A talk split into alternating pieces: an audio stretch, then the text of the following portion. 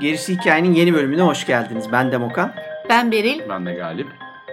9. sezonun son bölümüne ulaştık. Arada ufak tefek aralarla filan derken bu sezonu da bitiriyoruz. Ve Beril'in geçen hafta belirttiği gibi Hint sinemasına bir göz atalım demiştik. Ve geçen hafta 2020 yapımı Bülbül'ü konuşmuştuk. Şimdi bu haftada sohbetimize 2018 yapımı Tumbad'la devam ediyoruz. Yönetmen Rahi Anıl Barve'nin 104 dakikalık korku filmi Tumbat. Ben Bülbül'ü ne kadar sevmediğimi bağıra bağıra ortaya çıkardıysam Tumbat'ı da bir o kadar beğendim açıkçası. Ve ilk izlediğimden beri de fena halde hadi arkadaşlar ne zaman Tumbat konuşuyoruz filan moduna da girmiştim. Neyse sonuçta kısmet 9. sezon son bölümeymiş. Hint filmi olmalarının dışında temel bazı benzerlikleri de var bu filmlerin. Özellikle folklorik korkunun ve gotiğin bu sefer daha iyi bir örneğini konuşacağımızı düşünüyorum. Kendi adıma ben çok beğenerek e, çünkü izledim. Ki aslında bir film bana sorarsanız iyi yapıldığında hamaset ya da işte hikmet hikayesi bile bakın nasıl iyi anlatılabilir gibi bir yere götürdüğü için beni ayrıca seviyorum. Çünkü her türlü hikaye anlatıcılığında biz bu konuyu pek çok hı hı. kez de konuştuk. Baştan benim özellikle çok en huysuz olduğum şeylerden biri bu baştan verilen sözler ve sonrasında bunun tutulamamasıdır. J.J. Abrams sendromları evet. beni çileden çıkarır. Bir anda kaybolur diyorsun Benim. adam hikayenin evet, içinde. Aynen birileri, aynen birileri kayboluverir, birileri o başta verdiği sözü tutmaz. O yüzden yani en başta ne izleyeceğimizin sözünü daha böyle ilk saniyede verip sonra da bence bu sözü tutan nadir filmlerden bir tanesi Tumbat. Bize Mahatma Gandhi'nin dünya herkesin ihtiyacını karşılamaya yeter fakat açgözlülüğüne, doyumsuzluğuna yetmez sözünü vererek başlıyor ve ondan sonra da aslında bize bakalım bunu nasıl anlatıyor.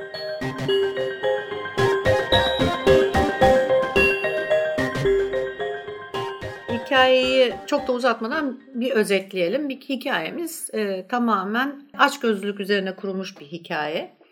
Mitolojik öğelerle süslenmiş, bezenmiş ama aynı zamanda e, sınıfsal bir takım yani toplumsal sorunlara da e, bu arada değiniyor ve iyi şekilde değiniyor.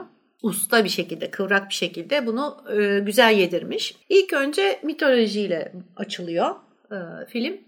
E, öncelikle e, biz e, bolluk tanrıçasının 160 milyon tanrı yarattığını, bunların içinde e, yarattığı ilk oğlunun bolluk tanrıçasının altınlarına ve yemeğine e, gözünü diktiğini ve bunu almak için e, uğraştığını, altınları aldığını fakat yemeği alamadığını, bunu fark eden diğer tanrıların onun peşine düştüğünü ve annesinin de bu ilk göz ağrısını korumak için hastarı kendi rahminde sakladığını ya da tutsak ettiğini görüyoruz. Sonrasında iki kardeşin hikayesiyle başlıyor. Bir köyde açılıyor e, hikaye. Tumbat köyü. Hı hı. Tabii bu köyün kötü bir ünü var. O da Tanrıça hastaları tutsak ettiğinde hiçbir zaman ona tapınılmayacağını ve tarih içinde unutulup gidileceğini buyuruyor. Fakat bu Tumbat köylülere işte bir takım olaylar yüzünden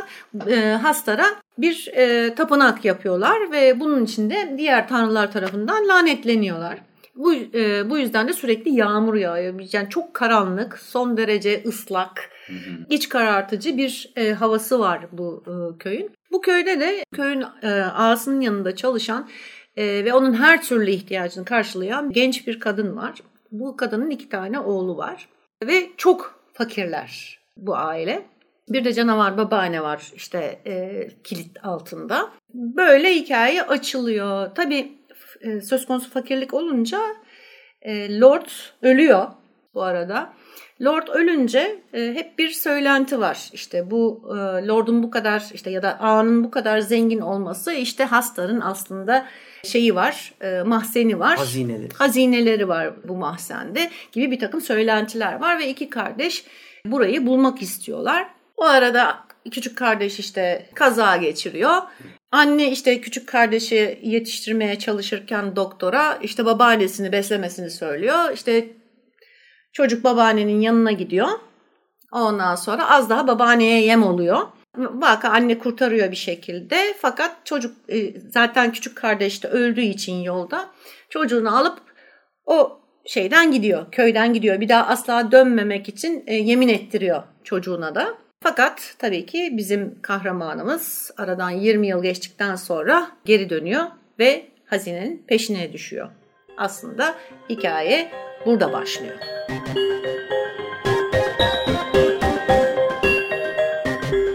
Tumba çok acayip bir film. Bana sorarsanız inanılmaz geleneksel bir anlatı tipine sahip. Ama e, muazzam bir çaba içerisinde hem sanat yönetimi hem görüntü yönetmeni olsun. Çok yeni, akılda kalıcı, unutulmaz e, bir dünya, bir atmosfer yaratmak için özel çaba gösteriyorlar. Yani çaba gösterilmiş ama çok kötü CGI e, ama e, çok iyi pratik efektlerle inşa edilmiş bir atmosferin içerisindeyiz. Dediğiniz gibi havasından suyuna, insanların giyim kuşamından oturup kalkmalarına, vücut dillerine kadar her şey çalışmış. O yüzden daha e, akılda kalıcı bir hikaye anlatıyor. Neden akılda kalıcı deyip duruyorum? Aslına bakarsanız bu bir masal. Her şeyle, vermiş olduğu ahlakından, hikmetinden, karakterlerine, kahramanlarına kadar, iyisine kötüsüne kadar bir masal. Modern diyeceğim ama modern falan da değil. 100-150 yıl önce geçen bir hikaye. Ama bir yandan da bir masalın ritmiyle ilerliyor. Araya 15'er 20'şer yıllık süreler koyuyor. Bu chapter'lar arasında tartışıp kendisiyle de tartışıyor. İşin içine kattığı karakterler inanılmaz ilkel, neredeyse dürtü seviyesinde bir e, arzularla bezenmiş. Ve gene e, bir önceki filmde anlattığımız gibi ortak bütün ülkede hissedilen bir tane düşman var ama nedense bir kişiyle canlandırılıyor ve anında geçiştiriliyor bir İngiliz. Hı hı. Ondan sonra da Bir İngiliz Konya'ya gelsin. evet, evet ve bir çavuş yani o bölgenin şeyi. Tabii. Tumbat Yani bölgesinin. sahtekar bir uyuşturucu kaçakçısı Hintlinin aracılığıyla esas kötüyü görüyoruz gibi de bir oyun var. Yani o iki taraflı oynayan tipi de güzel anlatmışlar. Ama o iki, Hikaye. iki taraflı oynayan adam da neydi onun e, kankası arkadaşı. O da Ra- mesela Ragav mıydı? Binbir Gece'deki e, Kasım gibi bir karakter aslında. Esas sebebi işaret etmek yerine uzantısını, dalın ucunu gösteriyor. Yaprağı gösteriyorlar yani. Oradaki İngiliz'e kadar da gitmiyor. Kötülük yapan işbirlikçinin de nedenleri var. Her zamanki gibi. Evet.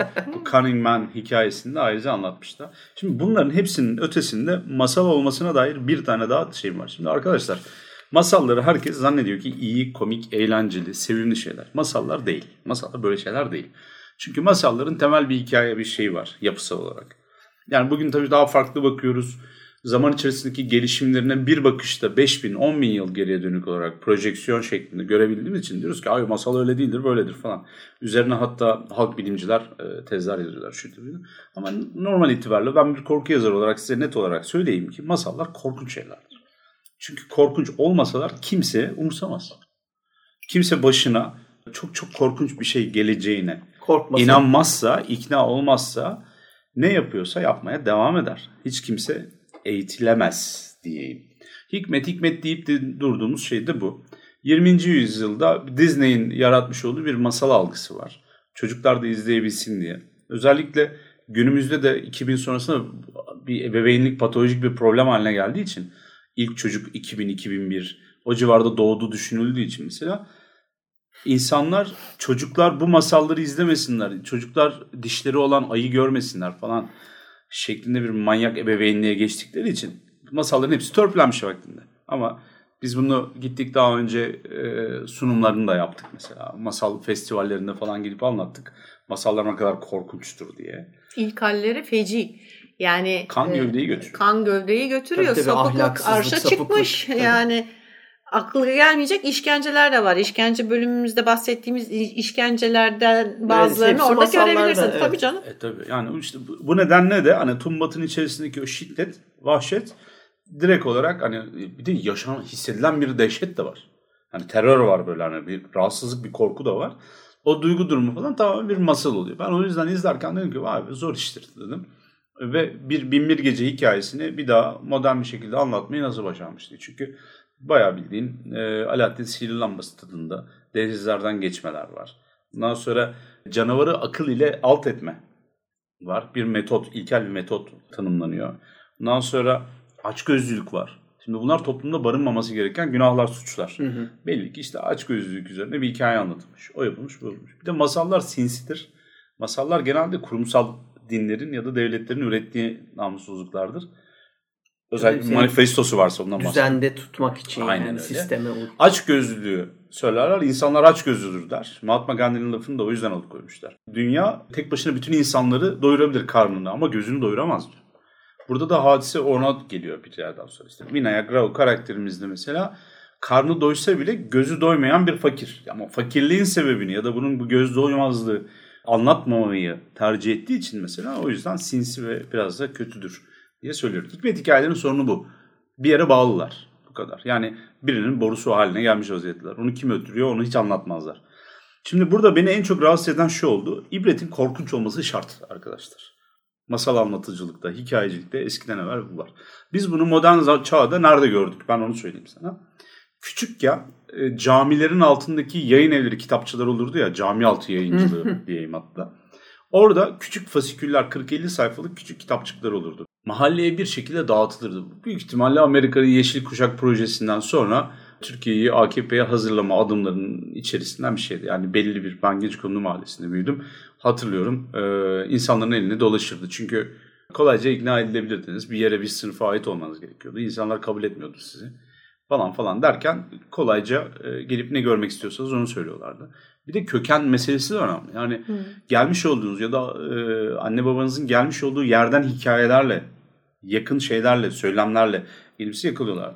Şimdi bu cami altı dükkanlarının e, el altından dağıttıkları ya da gösterdikleri kitaplar fasiküller ufak mesel kitaplarıydı. Darbe mesel tadında. O kitapların içerisinde de ölü fotoğrafları falan gördünüz. Kabir azabını anlatan fasiküllerin içinde ölü. Yani ben 6-7 yaşında ilk defa bir ölü gördüm hatırlıyorum bir fotoğraf üzerinde. Hı hı. Ondan sonra ve ölünün evreleri, çürümesi anlatıldı. İşte beden kararıyor, çürüyor bilmem ne. Ağzı yüzü dönmüş. İşte kabirde böyle olacaksınız o yüzden anne babanızı dinleyin falan gibi hikayeler vardı. Şimdi 6-7 yaşında çocuğa bunu gösteremezsin tamam mı? O nedenle bunun anlatılma sebebi de ibretin zirve olmasıydı. Böyle hani hiç akıldan çıkmayacak şey. Bu film de aynı şekilde davranıyor mesela. Buradaki fakirliği, yoksulluğu inanılmaz yoğun görüyorsunuz korkunç olması için bir daha hiç kullanılmayacak ya da bir anlamı olmayan babaannenin tırnaklarını kesme sahnesi var. Sadece onun için icat edilmiş bir tırnak makası var mesela. Pirinç ve çelikten. Ev dökülüyor. Belli ki eski bir tapınak, tapınacak bir yer. Bir şapel gibi bir yerin içine çökmüşler. Sanat bu arada hakikaten sanat yönetmenliği yıkılıyor. Çok iyi yani. Evet evet. Ondan sonra evet, orada tırnakları görüyorsunuz. Ondan sonra içeri tarafa geçiyorsunuz bu kadın, bu kadıncağız, bu çocukların e, annesi Anne. bir kötü kadın aslında, bir metres. Saçları kazınmış, birazcık daha rahibe sıfatında falan görünüyor ama bütün köy, bütün yerleşke biliyor ki o e, Tumbat'ın bölgesindeki kişinin o gözden düşmüş soydan gelen feodal beyin, beyin e, metresi. Ve o bey artık yattığı yerde e, beye mastürbasyon yaptırıyor mesela. Sadece biraz daha para almak için konuşuyorlar. Bak mesela o gerçekten masal tanımıdır o. Tamam mı? Orada hiçbir şey yargılamıyor. Bütün gerçekliğiyle veriyor falan. Ondan sonra şeyi görüyorsunuz. O kadının üzerinden o çocukların dramını görüyorsunuz. Yakıcı bir fakirlik görüyorsunuz. Ama mesela çocuğun aç gözlülüğünü çocukluktan itibaren veriyor ve onu da soya bağlıyor. Hı hı. Diyor ki senin baban da böyle şeydi ve lanet olsun işte siz de onun soyundan geldiğiniz için hani böylesiniz falan diyor. Ya bunlar çok acayip ilkel. Jean-Jacques Rousseau'nun o kültür ve toplumda aslında insanın e, karakterini belirler falan gibi söylemlerinden falan da hiç nasibini almamış anlatılar. Burada Rousseau'dan da 120 yıl sonra geçiyor hikayede. Evet. Bu nedenle de inanılmaz beğendim. Anlatı olarak iyiydi. Tek sıkıntı şu. Ya bu sanatçının tercihi bak bunu anlıyorum. Ama topu taca atmak başka bir şey. Tamam ben bunu anlatmayı tercih etmedim kardeşim ne yapayım ya toplumsal problemleri ben de böyle anlatmak derdinde değilim. Diye şey yapıyorlar. Ama mesela ortak düşmana hala şeytan taşlar gibi böyle İngilizlerin zamanında oldu o bu biliyorsun falan diye. Evet. Ee, kötü olan her şeyin aslında o Yavuz düzenin Hint toplumunun, Hint kültürünün fakirliği falan değil de İngiliz şeyinin imparatorluğunun etkisi altında geçen 200 yılın içerisinde yaşandığına dair bir söylem var. Nedense ama ortada bir tane İngiliz görüyorsun. Herkes birbirini kazıklıyor. Parayı yiyen de parayı çalan da Tanrı'nın arka cebinden peştemeler aklamaya çalışan da hep aynı kötü küçük Hintliler oluyor. Evet.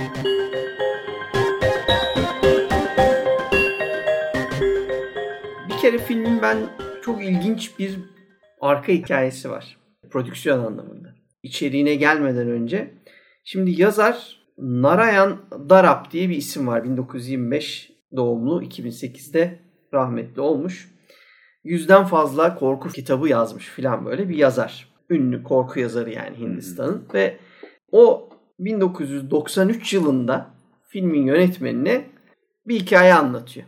Ve bu hikayesinin aslında bu Aji diye bir öyküsü var. Ve o öyküden e, esinlenildiği yani kendi öyküsünün hani bir versiyonu gibi anlatıyor. Ve işin daha da matrak tarafı Aji'yi yazarken de Stephen King'in Grandma adlı kısa öyküsünden e, esinlenmiş yazar açık bir şekilde. Öyle olduğu için de burada bir kere böyle bir garip katmanlar var. Amerikalı bir yazarın bir öyküsünden etkilenen daha eski Hintli yazarın 90'larda genç bir yönetmene bir anlattığı bir hikayeyle başlıyor. Ne hissetti biliyor musunuz izlerken? Çocuklar arka odaya doğru gidip yaşlı babaanneye yemek verme sekansı var ya korku korku evet. koridordan yürüme değil mi? Baya King, King dedim. Çok King. Aynen. Zaten, King'in çocukluğundan bir sahne o. Zaten, zaten aynen öyle. Hikayenin birinci chapter'da zaten birebir Grandma öyküsünden esinlenildiğini görüyoruz. Fakat burada tarih önemli bakın. 93'te duyuyor. 1997 yılında yönetmenimiz ve yazarımız aynı zamanda artık hani birkaç yazar daha var ama Rahi Anıl Barve 97 yılında ilk taslağını yazıyor senaryonun. Ondan sonra aradan bayağı bir 10-12 sene geçiyor. 2009 ile 2010 arasında 700 sayfalık bir storyboard çıkarıyor yönetmen. Hı hı. Ve ondan sonra da 2012 yılında filmi çekiyor. Fakat montaja geldiklerinde bu bir de Gandhi soyadı Gandhi o ismini unuttum yapımcının. Anantra gibi bir şey oldu. Bir şey Gandhi e, bir, e, o da önemli bir figür hikayede. Hı-hı. İkisi beraber yapıyorlar bu işi. 2012'de çektikleri film montajda vazgeçiyorlar. Olmamış bu diyorlar. Ve ondan sonra film tekrar tekrar yazıldıktan sonra 2015'te anca çekiliyor. 75. Venedik Film Festivali'nde 2018'de de gösterilen ilk Hint filmi olmuş bu film. Şimdi birincisi evet hikmet hikayesi cepte. Masal cepte. Masalın gerçek kökeni yine cepte. Yani korkunç. Antik masal. Bizim evet. Disney masallarının hepsini unutun. Antik masal. Ve de masal ne yapar işte? Bize bir ders verir. Ders verecektir. Evet. Aç gözlülük edersen cezanı çekersin. Galibin dediği gibi detaya girme meselesi ayrı işin sistem, politik, ıvır kıvır filan. Yok abi masal yukarıdan böyle. O kadar masal ki hatta bu Grandma öyküsünün en en etkileyici yanlarından biri şu şey. Uyu yoksa hasta gelecek. Mesela şeyi var. Tekerlemesi, tekerlemesi var. Tekerlemesi var, var içinde Büyülü tamam mı? Söz, aynen. Böyle yani ben şimdi bunların hepsini beğenerek böyle tatlı tatlı söylüyorum. Ayrıca en önemlisi klasik hikaye anlatmanın dibi. 3 chapter var. Giriş, gelişme, Gelişme, sonuç. Yani. Tamam mı? Hiç sekmiyor. Yani bir de chapter'lar arasında chapter yazıyor. Tabii tabii açıkça ya, yazmış böyle işte. Birinci chapter. Şey midir acaba? Siz ne düşünüyorsunuz orada? Ayrı dönemlerde yazılıp geliştirildiği için parça parça aslında 3 tane filmden parçalar araya atılmış gibi. Yani bazı yerler çünkü tam oturmayan şeyler de vardı. Böyle hani daha çok parçalar üzerinden, klipler üzerinden gidiyormuş gibi gelmişti bana. Anladım. Ben öyle hissetmedim. Ben bayağı klasik öykü anlatıcılığı olarak anladım kendi adıma Bilmem, izlerken. Chapter'lar çünkü çok farklı ilerledi. Karakter gelişimleri, dönüşümleri de biraz farklı gelmişti Hı. bana.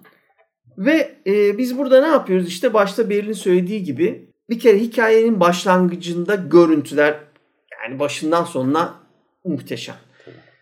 Müzik kullanımı, ses kullanımı muhteşem. Oyunculuk maalesef dengesiz. Çok iyi oyuncularla hiç böyle olmayacak oyuncular bir araya gelmiş. Oyunculuk böyle dalgalanıyor ama başrol oyuncumuz iyi. Yani e, Evet. o bayağı başarılı Vinayak karakterini oynayan abimiz.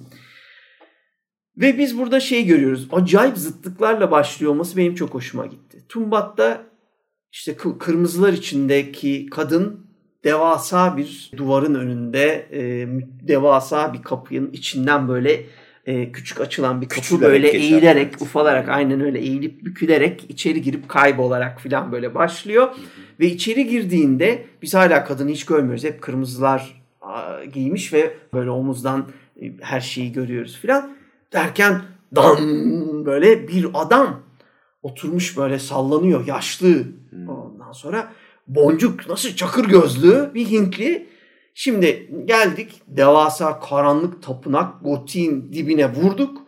Tapınağın içinde de sessiz konuşmayan deli deli bakan çakır gözlü bir adam var. Cin gibi bir adam. Hem cin hem de belli ki şey böyle e, Hint fakiri bilmem ne böyle bir o bizim şeyden bahsediyorum. Dışarıdan ilk bakıştan bahsediyorum. Çok böyle kallavi ve böyle dini olarak da belli ki muhterem bir adama baktığımızı düşünüyoruz. O ilk görüntü o. Çat oradan bir kesiyoruz. Adam yatmış. Kadın eliyle adama mastürbasyon yapmakta. Şimdi bak ağzına yüzüne vuruyor. Şimdi bir kere onu ben çok net hissettim. Yani bana şey- başka bir şey gösteriyor. Sağdan gösteriyor. Soldan ağzıma bir tokat atıyor.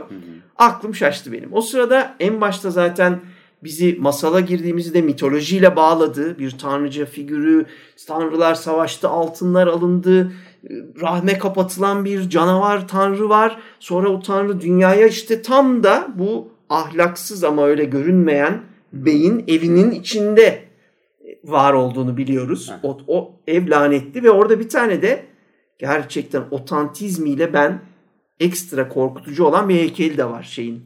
e, Hastarın. Hastarın. Yani o o da yani hiç eksiksiz folklorik, mitolojik ve masalsı korkunun öğelerini bize güm güm güm güm vuruyor. Ondan sonra dediğiniz gibi tam Amerikan, tam aile içi korkuları, tam Stephen King korkusu, bomba gibi bir arka odada canavar yaşlı kadın masalı. İlk dakikadan ben bayağı tüylerim diken diken ola ola izledim. Yani bir tarafı çok eski, bir tarafı çok gelenekçi. Diğer tarafı ise daha sonradan benim de işte bu King bağlantısını öğrenmeme rağmen Galip'in de çok net hissettiği Evet, o evet. çok modern ve çok batının anlayacağı ama anlatım, ses, müzik, görüntülerle vesaireyle de gerçekten Amerika'da hiç anlatılamayacak kadar otantik görünen bir korku hikayesine girmişiz.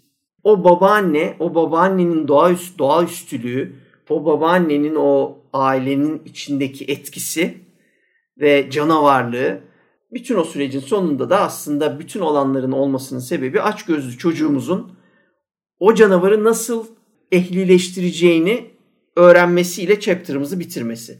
Yani masalsı bir şekilde uyu yoksa hastar gelecek cümlesinin canavarı ehlileştirdiğini öğrenen çocuk koşullar dolayısıyla annesinin zoruyla oradan ayrılmak zorunda kalır. Ve ikinci chapter'da artık anne gitmiş 25 yaşına neyse 30 yaşına gelmiş bir adam olarak öğrendiydim ben geri dönüyorum ben o hazineyi bulacağım diyen hırslı adamın hikayesini dinlemeye başlıyoruz.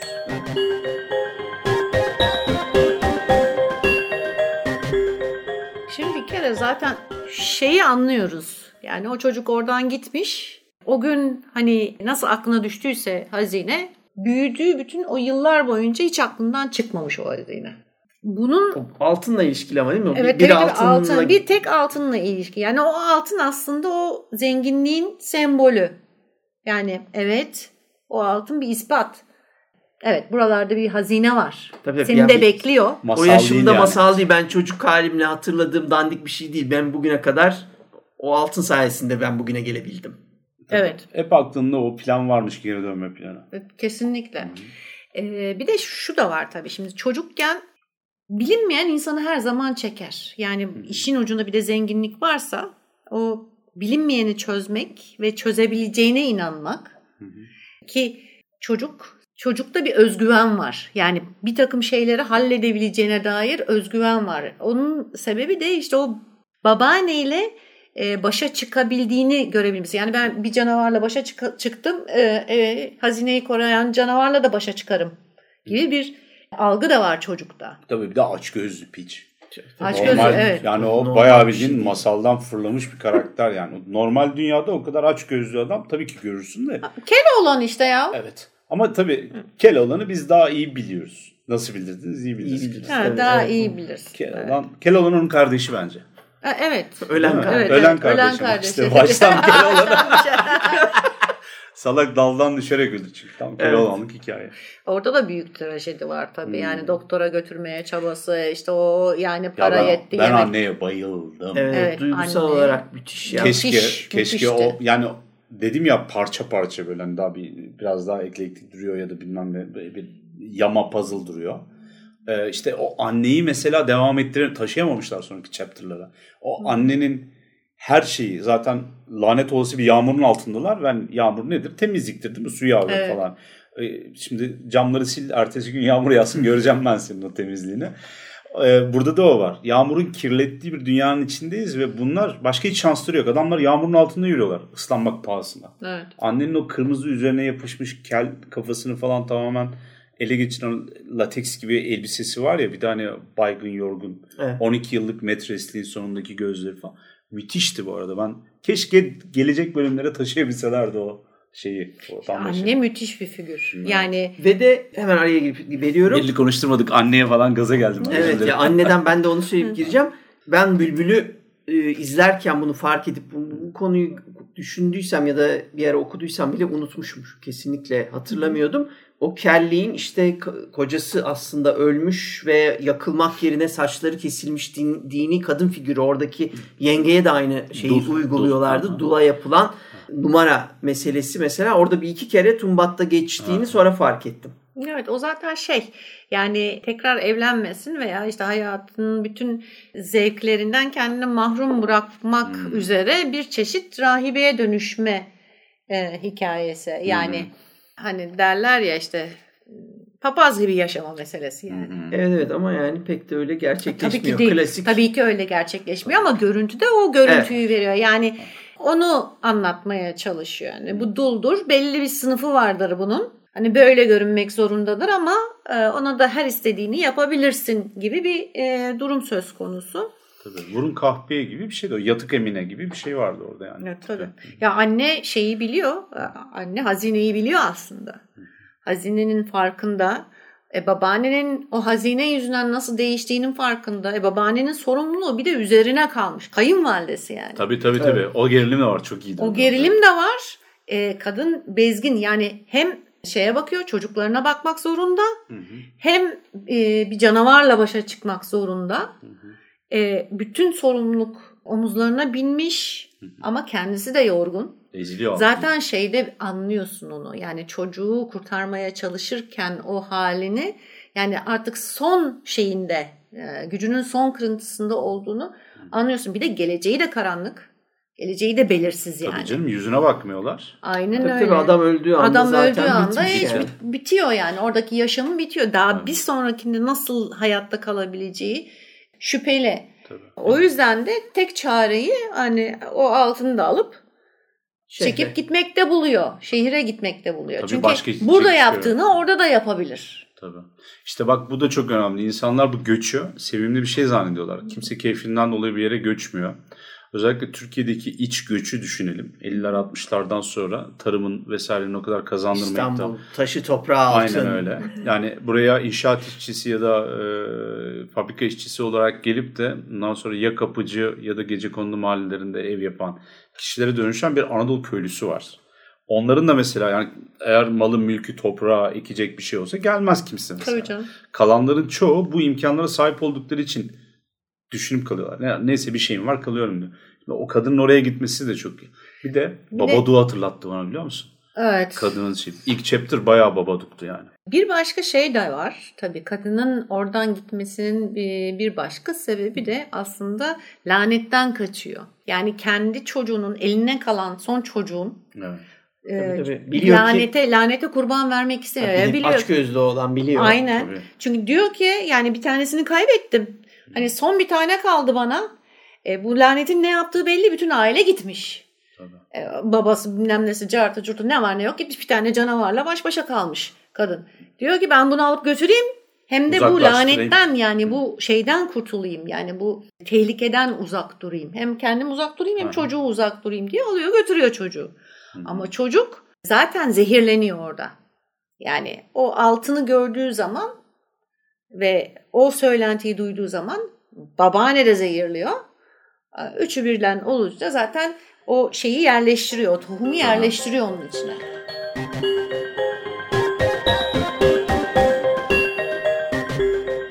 Süper tohum dedin. Hemen onu şey yapalım. İkinci chapter'ın başlangıcı yine mucizevi. Yani enfesti bana sorarsanız böyle ağzımın suları akarak izlediğim bir şey. Yani o zar zor yine yağmur hiç durmamış. Düşün 20 yıl geçmiş yağmur durmamış. Şakır şakır o otobüsle geliyor. Ve ondan sonra yürüyor o yağmurun altında şemsiyesi var filan ama o mat, bu arada o fantastik kilitlere filan da bayıldım. O detaylar müthişti. Ya Oranın o diyorum, kilitleri. kapılar mapılar. Evet kapılar ve kilitler çok eğlenceli. Al bu binayı, al bu karakteri mesela, üstünü başını değiştir. Tamam mı? Getir e, Doğu Avrupa'ya koy. Götür İskoçya'ya koy. Anladın mı? Evet, Anadolu'ya getir. Kervansarayın önünde dursun falan. Hiç oynamıyor tamam? Evet. Böyle, yani çok çok iyiydi. O yüzden çok kaliteli. Çok evrensel. Evet. Ve o eve geri dönüyor. Ev artık böyle hani yık, zaten yıkıntıydı. Tamamen dağılmış ev karanlıkların içinde ve böyle bir çalı çırpı evin içine doğa evin içini kontrol altına almış filan. Babaannenin odasına bu meşalelerle artık güçlü kendine güvenli kocaman işte bıyıklı pos bıyıklı şeyli Tabii, filan tabii. bir adam Erkek olarak olmuş. erkek olarak gelmiş artık ve yine metodu bildiği için de kendine güveniyor yani ne yapacağını biliyor ama bir şans babaannenin odasına geri dönüyor ve gerçekten orada enfes bir sahne var.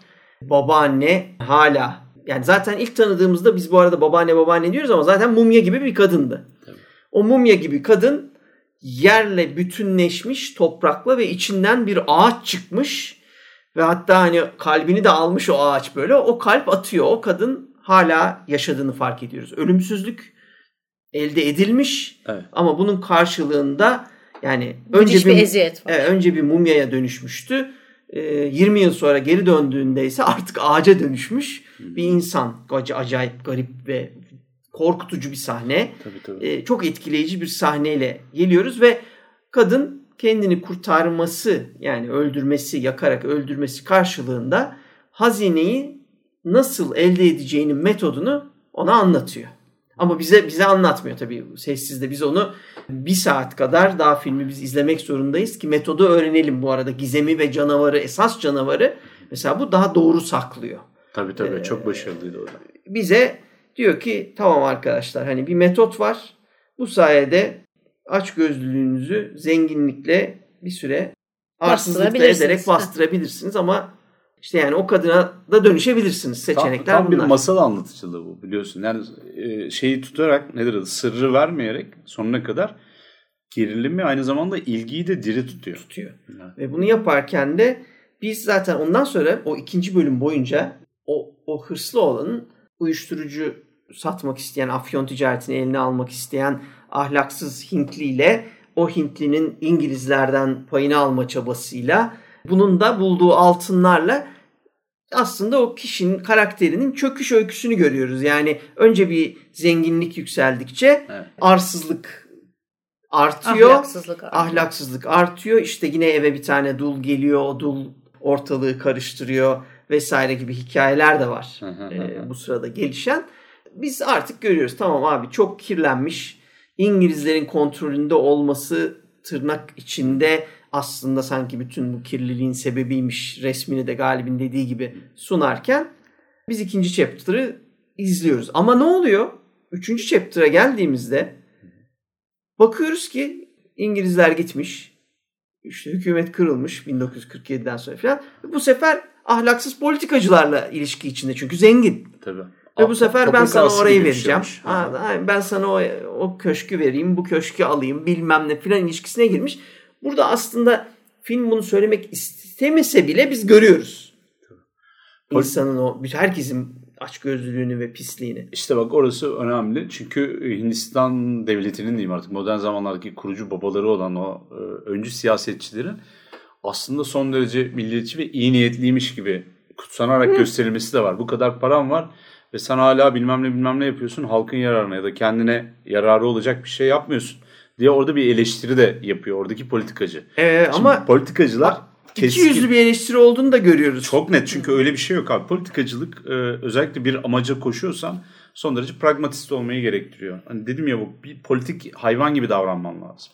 Davranmak zorunda bırakıyor zaten. Hı hı. Bu oyunun gereği bu. Evet. Ve yani böyle tamam nutuk olarak söylüyor olabilir ama emin ol kapıyı döndükten sonra işine geldiğin için o adamdan parayı da alıyor. Evet. Tamam bunları Ya bir de lazım. şey bu, bütün bunların hepsi bahane. Yani bir insan aç gözlüyse zaten bir şeyler yapmak istiyorsa hani ne ne bahane kullanırsa kullansın. Yani Evet. devran istediği kadar değişsin adamın e, aç gözlülüğü aynı kalıyor. Bir şey fark etmiyor yani. İngilizlerde de aç gözlü e, şey e, Hint hükümetinde de aç gözlü. Tabii, tabii, Yani tabii. orada da kötü subay var, burada da kötü bir siyasetçi var. Yani hani şey derler ya bir kötü gider bir kötü gelir diye. İşte aslında burada gö- seyrettiğimiz şey bu. Çünkü geldiği kişi de şey değil. E, kaçınılmaz olarak değil şimdi günümüzde Zemzemle dön bak yıkanmış yani bu değil yani. Gelen gideni aratır adlı sözümüz. Ha. Ben e, dediğin gibi şeyi de çok sevdim. Ya şimdi süreçlere değer veriyor bu film tamam mı? Hikaye anlatıcılığında unutulmuş bir şeydir. 3-5 saniyede adamın hemen gökkuşağının altından geçmiş gibi bir şey dönüştüğünü görüveririz. Hani bunu anlatmaya ne gerek var kafasında. Fakat biz bu e, bina yakın mesela sakalı tıraşı düzgün saçı falan şey e, babaannesiyle karşılaşıp ondan sırrı öğrenmesi. Daha doğrusu orada bir de bir trade-off var. Yani bir karşılıklı sen onu yap ben Bir bunu yapayım. var evet, Evet. doğru. Ondan sonra orada da şeyi görüyorsun böyle hani bayağı herif böyle nasıl söyleyeyim sana über Kayserili bir adam. Böyle karşılıksız hiçbir şey yapmıyor falan Evet. tamam mı? Çok ilginç bir herif. Ee, ve karşısındaki kişi de aynı soydan geliyor. Kendisi de zaten diyor ki hikayesini anlatıyor. Diyor ki işte en hızlıları bendim. En hızlı ben gelip çıkardım o yüzden beni gönderirlerdi falan diye masal anlatıyor bir yandan da. Ondan sonra köşkün mü diyeyim o yıkık dökük esas e, kalınan yerin konağın içini araştırmasını gösteriyor. Adamın saçı başı birbirine karışıyor. Evet, mağara adamına geçiliyor orada. hazineyi bulmak için Evet evet bayağı sakalı göğsünde falan ondan sonra gidiyor. Dönüyor. Karısı tanımıyor bunu falan. Daha sonra aa görünce tanıyor. Biz onun tabii bir karısı olduğunu da orada öğreniyoruz. Mesela hiç umurunda da değil. Abi bak bu tam masal anlatıcılığı. Yani hakikaten Binbir Gece'nin şeyi yani Binbir Gece'yi biz hep Arap hikayeleri diye özellikle İngilizler falan Fransızlar düşünüyor. Bayağı Hint hikayesi yani. Bizdeki şey de o. Ee, Anadolu Tabii tabii, bir de Korku'daki yani- anlatımız Evet, da evet. böyle. hep anlattığımız Binbir Gece'nin bonusu hani İstanbul'da derlenmiş bir Fransız tarafından derlenmiş ve çoğu yazılmış. Fıkra gibi canım zaten. Evet, gerçekten öyle. İşte burada bir şey falan var. Aç gözlülüğün çok ön plana çıkartılmış. Ee, kolay olmasa da bir şekilde hemen havadan para diye düşünüyorum. Çünkü yani çok para kazanmak, çok hızlı para kazanmaktan bahsediyoruz. Bir kumar gibi. Ve e, diğer taraftan da mesela o afyon şeyini almaya çalışan bunun arkadaşı, kuyumcu diyeyim artık ona, sarraf. O ufaktan bunu dürtüyor. Ya niye 3 getirdin diyor. Hani bir gün bir geliyor 16 tane. Nasıl aldın? Hani onu hırsını da gıdıklıyor anladın mı? Aslında Hem- onu geliştiriyor da yani. Hem gıdıklıyor hem de aslında öğrenmeye de çalışıyor. Kolaysa ben kendim yapayım tabii, diye tabii. sonra bizi Evet. oraya götürecek Tam zaten. Kasım hikayesi işte o da Ali Baba'daki. Ki Başına gelen de öyle ya hani Evet. zaten teknik. Çok olarak. bayağı bildiğin çukura inip aynı şeyleri. Aynı şeyi yaşıyor ama tabii söylemediği yer var. Bizdekinde de bize anlatılan Ali Baba hikayesinde de biraz yumuşatmış olabilirler. Kendiliğinden unutuyordu. Bu arada tanımı tanım çok güzel. Çok özür dilerim lafını kestim. Bir şey ekleyeceğim. Dedin ya sen işte sen de dedin işte şey için Binbir Gece masalları Aha. için e, İstanbul'da e, Bir Fransızın ha, derlediği. bir, ha, bak işte bak şimdi tanıma bak. Bir Fransız yazarın. İstanbul'da derlediği Arap görünümlü Hint masalları. Türk. Türkler tarafından anlatılan o sırada Osmanlı tarafından. Ha, Evet evet kulaktan evet, kulağa bu evet, arada. Yani evet. arada 5000 kilometre var Aynen falan. öyle. Yani tanım tanıma bakar mısın? Tadından yenmiyor. Ama tabii bu- buram buram da ibret kokuyor. Çünkü E tabii. Ama adamın karakteri de var. Bak mesela bu hikaye anlatıcılığının içerisinde bir modern bir çaba da var. Adamı da biz bir nedensellik vesaireyle anlamaya çalışıyoruz birincisi. İkincisi onun dramını da şahit de oluyoruz. İlk başlarda hiçbir şeyi olmayan sıradan bir fakir adam iken elindeki tek sermaye çocukken gerçekliğine de şahit olduğu bu define hikayesi Evet. adamın en büyük mirası hani e, oraya gidip de bir gün oradan çil çil altınları toplayabilmek. İstediği kadar fabrikada sürünsün ki öyle çalışmamıştır ömründe bir gün. kazanılmamış para hikayesi aslında. Evet ama bir yandan da miras Beril bu. Yani çünkü babadan kalmış onlara. E tamam, miras da, miras da yani hak derler ama sonuçta kazanılmamış servet. bir paradır yani. yani. Devredilmiş servet işte. Evet. Yani senin çalışıp kazanmadığın bir paradır o. ama kolay- doğdu, kolay doğuş- yollu gelen Doğumundan sahip olduğum bir hak diye anlatıyor. E, yani. tabii işte doğumdan gelen bir hak diye anlatılıyor. İşte, işte yani ben o şeyi de gördüm. Hani çalışılmamış, çalışılmadan kazanılmış bir e, paranın getirebileceği bela tadında. Tabii tabii. Bir de kıymeti de yok harcarken ki zaten Tabii, tuhaflığı da var. Yani e, herhangi bir görgü olmadığı için de hani bir parayla alakalı herhangi bir fikri de yok. Yani e, iyi mi harcayayım, kötü mü harcayayım, istediğim her şeyi yapayım. Daha sonrası geleceği de düşünmüyor. Ama bir yandan da vücudu bedeni düşünüyor. Bir termometresi alıyor. Bir başka sonra manipüle edebiliyor. İşte araba alıyor daha sonra ilerleyen zamanda belli. Yani muazzam bir hikaye tipi vardı orada. Ee, şeyi öğreniyoruz daha sonra. Birine bir kazık atmasıyla beraber bunu dolandıracak olan ortağının e, numarasını öğreniyor. Bir tane hadise var. Onu da tuzağa düşürüyor mesela. İnanılmaz bir, tam bir insan hikayesi. Evet. Onun o dramı dediğim buydu. Çünkü dram şöyle. Bir yerden sonra bunları yapamamaya başlıyor. Yaşlanıyor. Adamın en büyük şeyi o. Zaten en sonunda da nedamet getirip oğlunu kurtarmak adı altına son bir şey yapıyor. Orada da Hint sinemasının bayıldığı Matrix vari bir sahneydi böyle.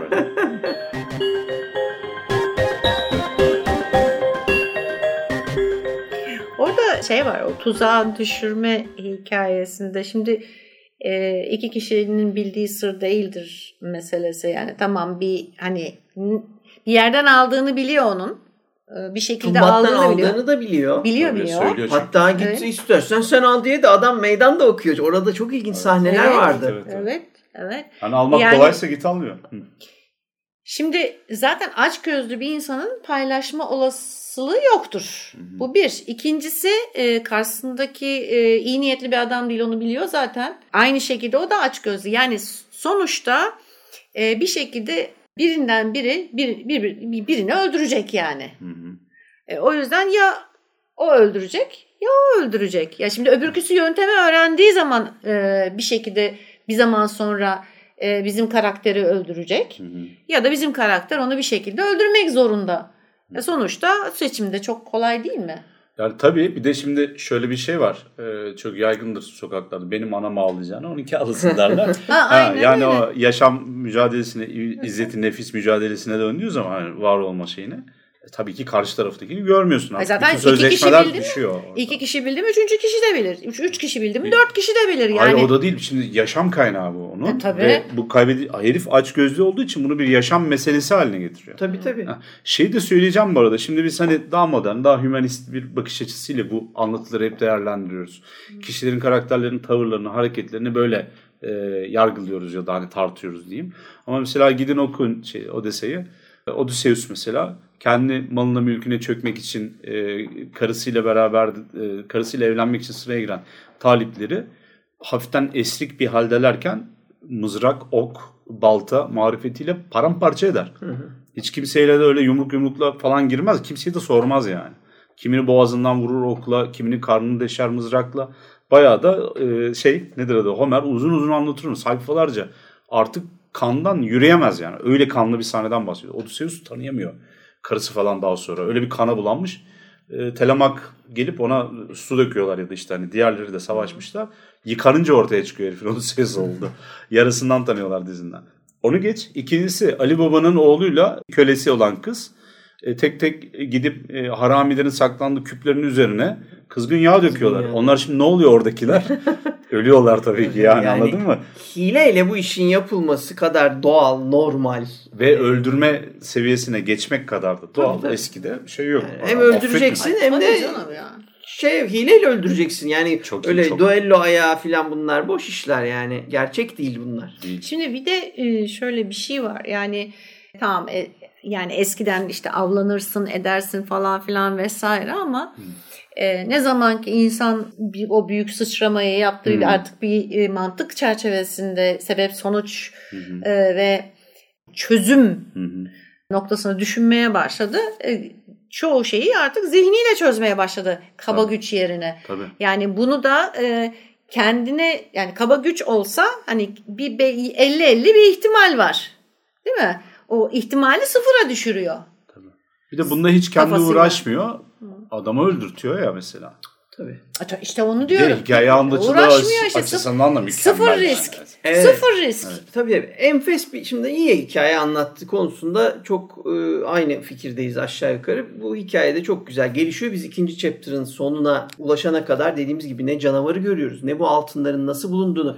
Aynı ana karakterimizi e, merakla takip eden filmin içindeki diğer karakterler gibi seyirci de aynı merak içinde aslında. Kedi gibi bu takip altının- ediyoruz onun peşinde. Ha nasıl bulunduğunu bilmiyoruz. Nasıl öğreniyoruz? İşte sırrını ona verdiği kuma sayesinde sırrını öğrendiğini düşünüp e, tapınaktan altınları almaya giden ortağının takip edip onu tuzağa düşürmesi anında biz aslında görüyoruz ki Tanrıçanın rahmi şeyin altında bu tapınağın altında Tanrıçanın rahmine iniliyor ve o Tanrıçanın rahminin içinde hamurdan insan şeklinde bir heykelcik götürüyorsun.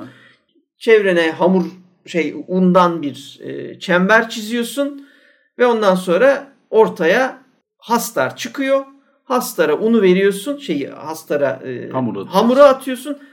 Hastar hamuru yerken sen de belindeki peştemali çekip oradan dökülen altınları topluyorsun. Sonra da hamuru bitirmeden de bir iple kendini lazım, e, tabii.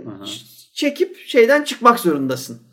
E, Yalnız nasıl bir rahim? Evet evet müthiş Tabii, böyle tabii, devasa bir işte o mağara Sembollerle dolu kuyu. ya. Çok güzel uğraşmışlar. Yoksa bir odanın içinde yapıverirlerdi bir Tabii mağarada. tabii yani ha dediği gibi galiba canavarımız maalesef e, CGI'yi pek iyi değil. Evet. Ama e, tek eksiği de o bana sorarsanız. CGI'den Hani. kazık yemişler. Evet, tek şeyi eksiği dört o. Ve o şekilde biz bunu öğrendikten sonra da zaten aslında bir süredir gördüğümüz kahramanımızın niye böyle sürekli işte bazen iki tane, üç tane, bazen on tane Hmm. altın bulabildiğini, arada bir niye yaralı bir döndüğünü vesaire bunları hemen anlamış oluyoruz. Tam biz bu anladığımız anda da zaten chat chapter'ımız bitiyor. Üçüncü chapter'a giriyoruz. Bir bakıyoruz ki adam bahçeye kurduğu bir düzenekle oğlunu yetiştirmeye başlamış. Çünkü kendisi yaşlanmış. Artık eskisi kadar altın toplayamayacak. Bu sefer oğlunu yetiştirecek ki altın gelmeye devam etsin. Evet. Ama bu adam, biz ne görüyoruz? Bu adamın hırsının, açgözlülüğünün bütün film boyunca abi bundan da aç gözlü olunmaz yuh artık diye düşündüğümüz o sürecin içinde küçük oğlunun gerçekten ondan daha aç gözlü olduğunu, kendince daha kurnaz olmaya çalıştığını, hani Tabii. klasik o kurnazlık e, tırnak içinde kötü anlamıyla e, kullanıyorum. Ondan Uyanıklık sonra diyelim ya. İşte yani o uyanıklık, kurnazlık ne dersen de e, onunla aslında kat be kat aç gözlü fakat tek sorun bu sefer bu çocukta bir ayağında bir sorun var bu arada da. Yani istediği kadar e, hızlı bir çocuk değil. Fakat işte hırsıyla şeyini kapattığı için e, yaşı gelmeden hadi bakalım zorunda kalıyorlar gitmeye ve oğluna bu sırrı gösteriyor. Fakat işte Göstereceğine Göster- göstereceğine. ha, gösterdikten sonra oğlan- oğlanın hırsı katlanıyor. Aç gözlülüğünün sonucu olarak ona bir Akıl e, veriyor. ona. akıl veriyor oğlu. Bu da ulan ben bunu niye bunca yıldır hiç düşünemedim diye dövünüyor fakat tabii ondan sonra büyük bir felakete doğru o onları götürecek bu aşk. Yani aç gözlülük nesilden nesile katlanarak büyürken Hı hı. lanet de büyüyor. Hikaye bunu o kadar güzel anlatıyor ki. Evet. Yani her yeni gelen aslında denkleme yeni bir parametre katmaya çalışıyor ama genelde de hikmet hikayeleri ya da bu, bu antik hikayeler, bu en ilkel formdaki hikayeler genelde karşısına daha büyük bir şeyi başarıyla çıkartmayı bilmiştir.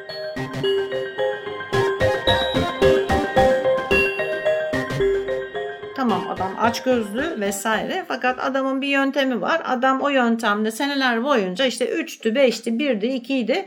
Hani altınla ki bak bir tane altınla bir tane altınla aslında 25-30 yaşına kadar gelmiş, yaşamayı başarmış. Evet evet orada onu görüyoruz yani. Yani bir Ama tane yoksul altın. yani şey Ama değil. yoksul. Ha. Ama yani karnı doyuyor. Hani üstünde Evlenmiş, giysisi evi var, var. evlenmiş, evi var. Ya bir de vesaire. zamanla değişiyor. Şimdi vizyonla değişiyor. Muhakkak canım ama ondan yetinmiyor. Yani şimdi o altını düşün yani her seferinde çıkardığı 2-3 altın aslında bir 30 sene gidebilecek bir altın yani Hı hı. bir tanesi. Evet.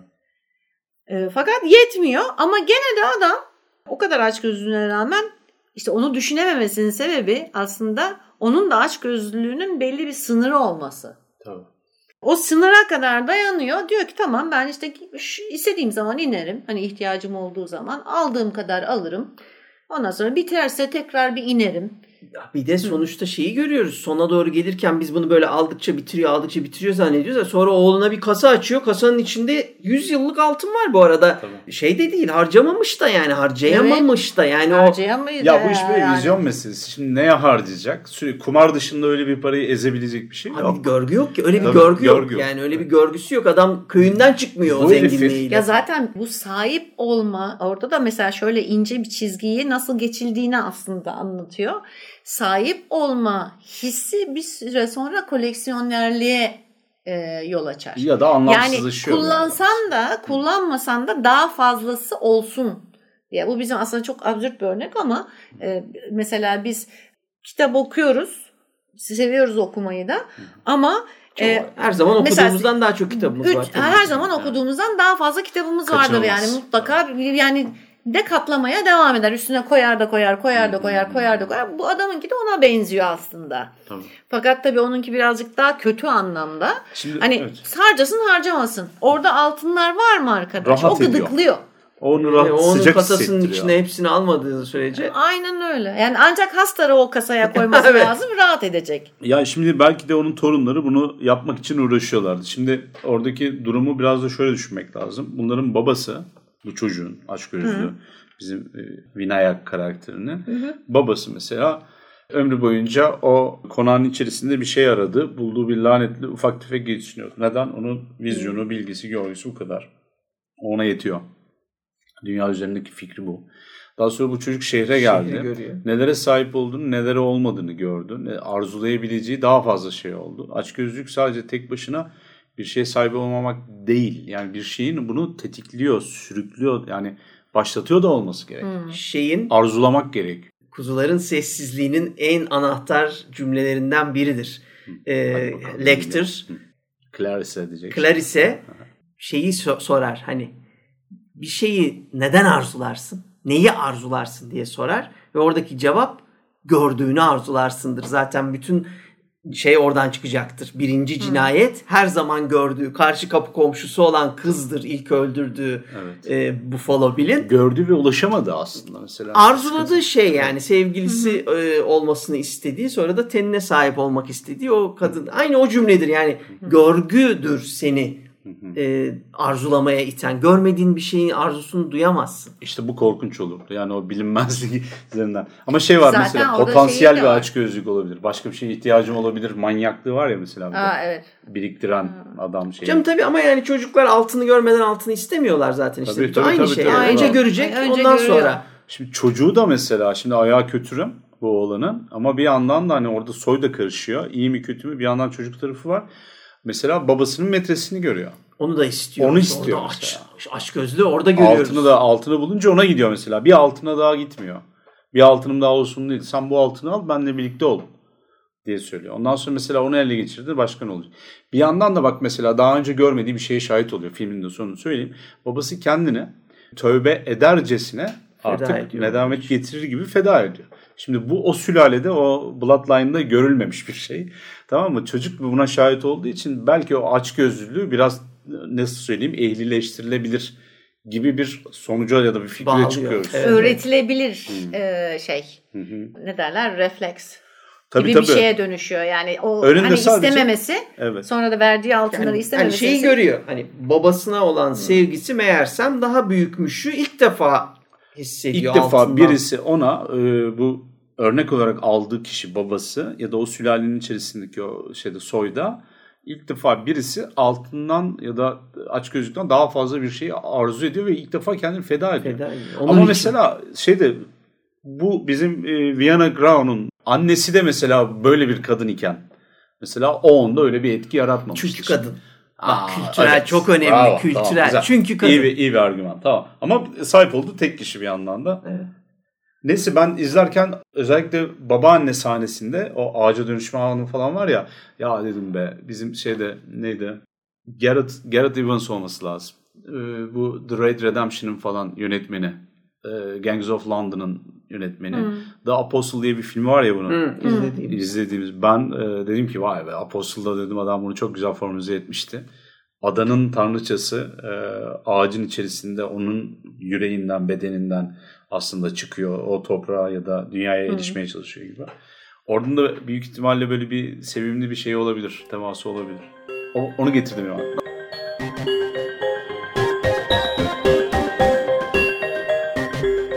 Aslında lanetin nesilden nesile geçişi de anlatılıyor. Hı hı. Yani senin dediğin gibi o lanet gittikçe büyüyor. Yani bir kişi şey yaparken bütün aileyi etkilemeye başlıyor ve, ve soyu etkilemeye başlıyor aslında.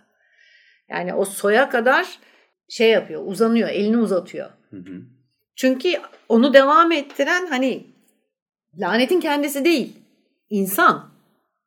Hani birisi bir tanesi bıraksa belki o hani e, şehre taşındıkları zaman aslında bir daha geri dönmese o lanet bitmişti. Ama işte Bir de lanetin umurunda değil. Ha, Yani tabii, lanet- birileri tarafından birine gidip haunt etmek falan. Çünkü yaratık orada yaşıyor. tabii tabii orada Kendine ait duruyor. bir dünyası var. Küçük dünyası. Dışarıdan insanlar gidip asalak o rahmin içerisinde adamı uğraşıyorlar. Yoksa Tanrı'nın umurunda değil. Ama belki de lanet de bitmeyecek de olabilir. Bak şimdi şöyle de bir şey var. Yani lanetin Soy aslında bitmesin diye kendini... kendini feda etmiş olabilir. belki. Ha? Soyu bitmesin diye yani. Çocuk da ölmesin diye Ha, kendini evet, feda soyu- etmiş. soyu- Tabii tabii onun için diye. yapıyor ama Evet, evet, zaten evet. en temel Yani olan o olduğu içgüdü için o. yapıyor. Aynen İçgüdü öyle. bravo. Ee, şöyle de e, şimdi düşününce tam tersi bir savda olabilir. Nasıl? Yani lanet ne öyle veya böyle onunla veya başkasıyla lanetini sürdürür. Çünkü o orada. Yani o Hmm. birinin gelip onu bulmasını ve o yöntemi anlamasını bekliyor. Ama bir de zaten bitemez Beril çünkü yem var. Yani altın olduğu için işin ucunda. İnsan varsa ve altın varsa Buğday o da hikaye varsa. bitemez yani. Evet, evet. Evet.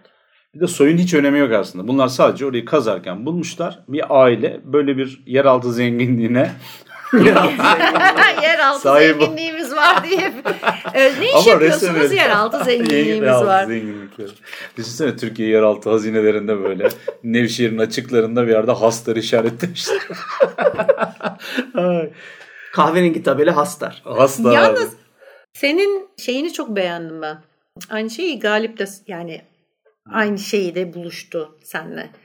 E, Yani bu film aslında açgözlülüğün bir lanet olduğunu Hı hı, ve bu lanetin her nesilde giderek daha fazla büyüdüğünü, hı hı. e, eninde sonunda birilerinin birilerinin yani kendilerini feda etmek zorunda kalacağını anlatıyor. Doğru. Ama unutulmaması gereken bir şey var. Oradaki döngüde mesela filmde ele alınmamış olan şey bu. Belki bu en son soydaki sakat çocuk, kötürüm çocuğun üzerinden anlatılabilirdi. Şimdi zor zamanlar mesela zorlu adamlar yaratır. O zorlu adamlar hayatı kolay hale getirirler. Onların çocukları daha sonra sahip olunan iyi şeyleri kaybederler. Daha zayıf insanlara dönüşürler ve ondan sonra döngü başka bir şekilde kendini tekrar eder. Ya bu padişahlıkta da yani daha Tabii, doğrusu tabii. şeyde de aynı krallık veya imparatorluk veya işte padişahlık meselesi. Çok- Çok, başarılı padişahların çok başarısız oğulları olabilir yani. Tabii canım çünkü aynı şartlarda yetişmiyorlar. Şimdi evrimsel olarak zaten orada öne çıkabilmesi için o vatandaşın zeki, çevik, atılgan ve yeri geldiğinde de bazen ahlaklı olması gerekiyor. yani Machiavelli'ye göre olmaması gerekiyor ama ona göre davranıyor olması gerekiyor. Çok güzel bir tane şeyi hatırlamıyorum ama bir Amerikalı, siyahi bir Amerikalı'nın e, bir konuşmasına denk gelmiştim. Şey diyor, benim dedem diyor günlük diyor 10 kilometre yürümek zorundaydı işe gitmek için diyor. Benim babam ise diyor mesela 2 kilometre yürümek zorundaydı. Yer araba almıştı çünkü babam dedem çok çalışarak falan Hı. diye anlatıyor. Ben ise diyor hiç yürümek zorunda kalmadım. Benim çocuğum da diyor hani belki kalmayacak ama ondan sonra torunum diyor büyük ihtimalle 10 kilometreden daha fazla yürümek zorunda kalacak. Çünkü biz orada ona e, aşması gereken zorluklar değil, kolaylıklar ve rahat şartlar sunuyoruz. Hmm, Ve illaki bizim yarattığımız şeyleri o kaybedecek diyor. Buradaki şeyde de öyle. Mesela e, baba kesif bir e, yoksulluğun içerisinden geldiği için belli miktar bir e, zorlukla keskinleştiriliyor, bileniyor. E, işte çocuğuna geçiyor ama çocuk da iyi kötü bir konakta büyüyor. Mesela kendi hırsı var. Sonraki nesil Tabii tabii bak. birine kaptırıverecek. Ya arkadaşlar çok güzel detaylar bunlar. Ana karakterimiz Vinayak aslında piç. piç olduğu için ona öyle der. Baba yok yani aslında. Evet. Belki kan devam etmiş ama babanın umrunda değil. Baba kar- sarayında, köşkünde neyse yaşıyor. Bunlar orada mağara gibi bir yerde yaşıyorlar. Umurlarında bile değil. O annesi sayesinde hem şehri görüyor hem ondan sonra altınları bulduktan sonra bir ev, bir konak kuruyor. O konakta bir oğul yetiştiriyor. O oğul ne kadar işte umursamaz da olsa, ne kadar ters de olsa, pis de olsa, işte kötü de olsa bir babaya sahip. Aynı evin içinde bir baba var. Hatta o baba ona örnek olup işte modeli. eğitiyor. Tabii, Tabii, tabii. bir de bir şey yapmasını istiyor. E, Hiç soru sormadan babası ona bir şey öğretiyor. Bayağı bildiğin zanaat öğretiyor. Hani Bir de miras var. bırakıyor ya. Kasıyor Yani işte o zanaati sayesinde de zengin olacağını ona söz de veriyor.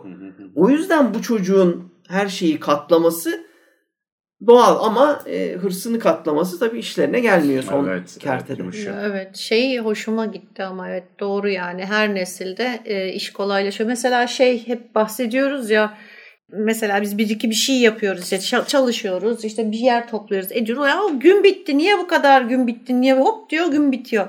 Halbuki e, eskiden günler daha uzunmuş.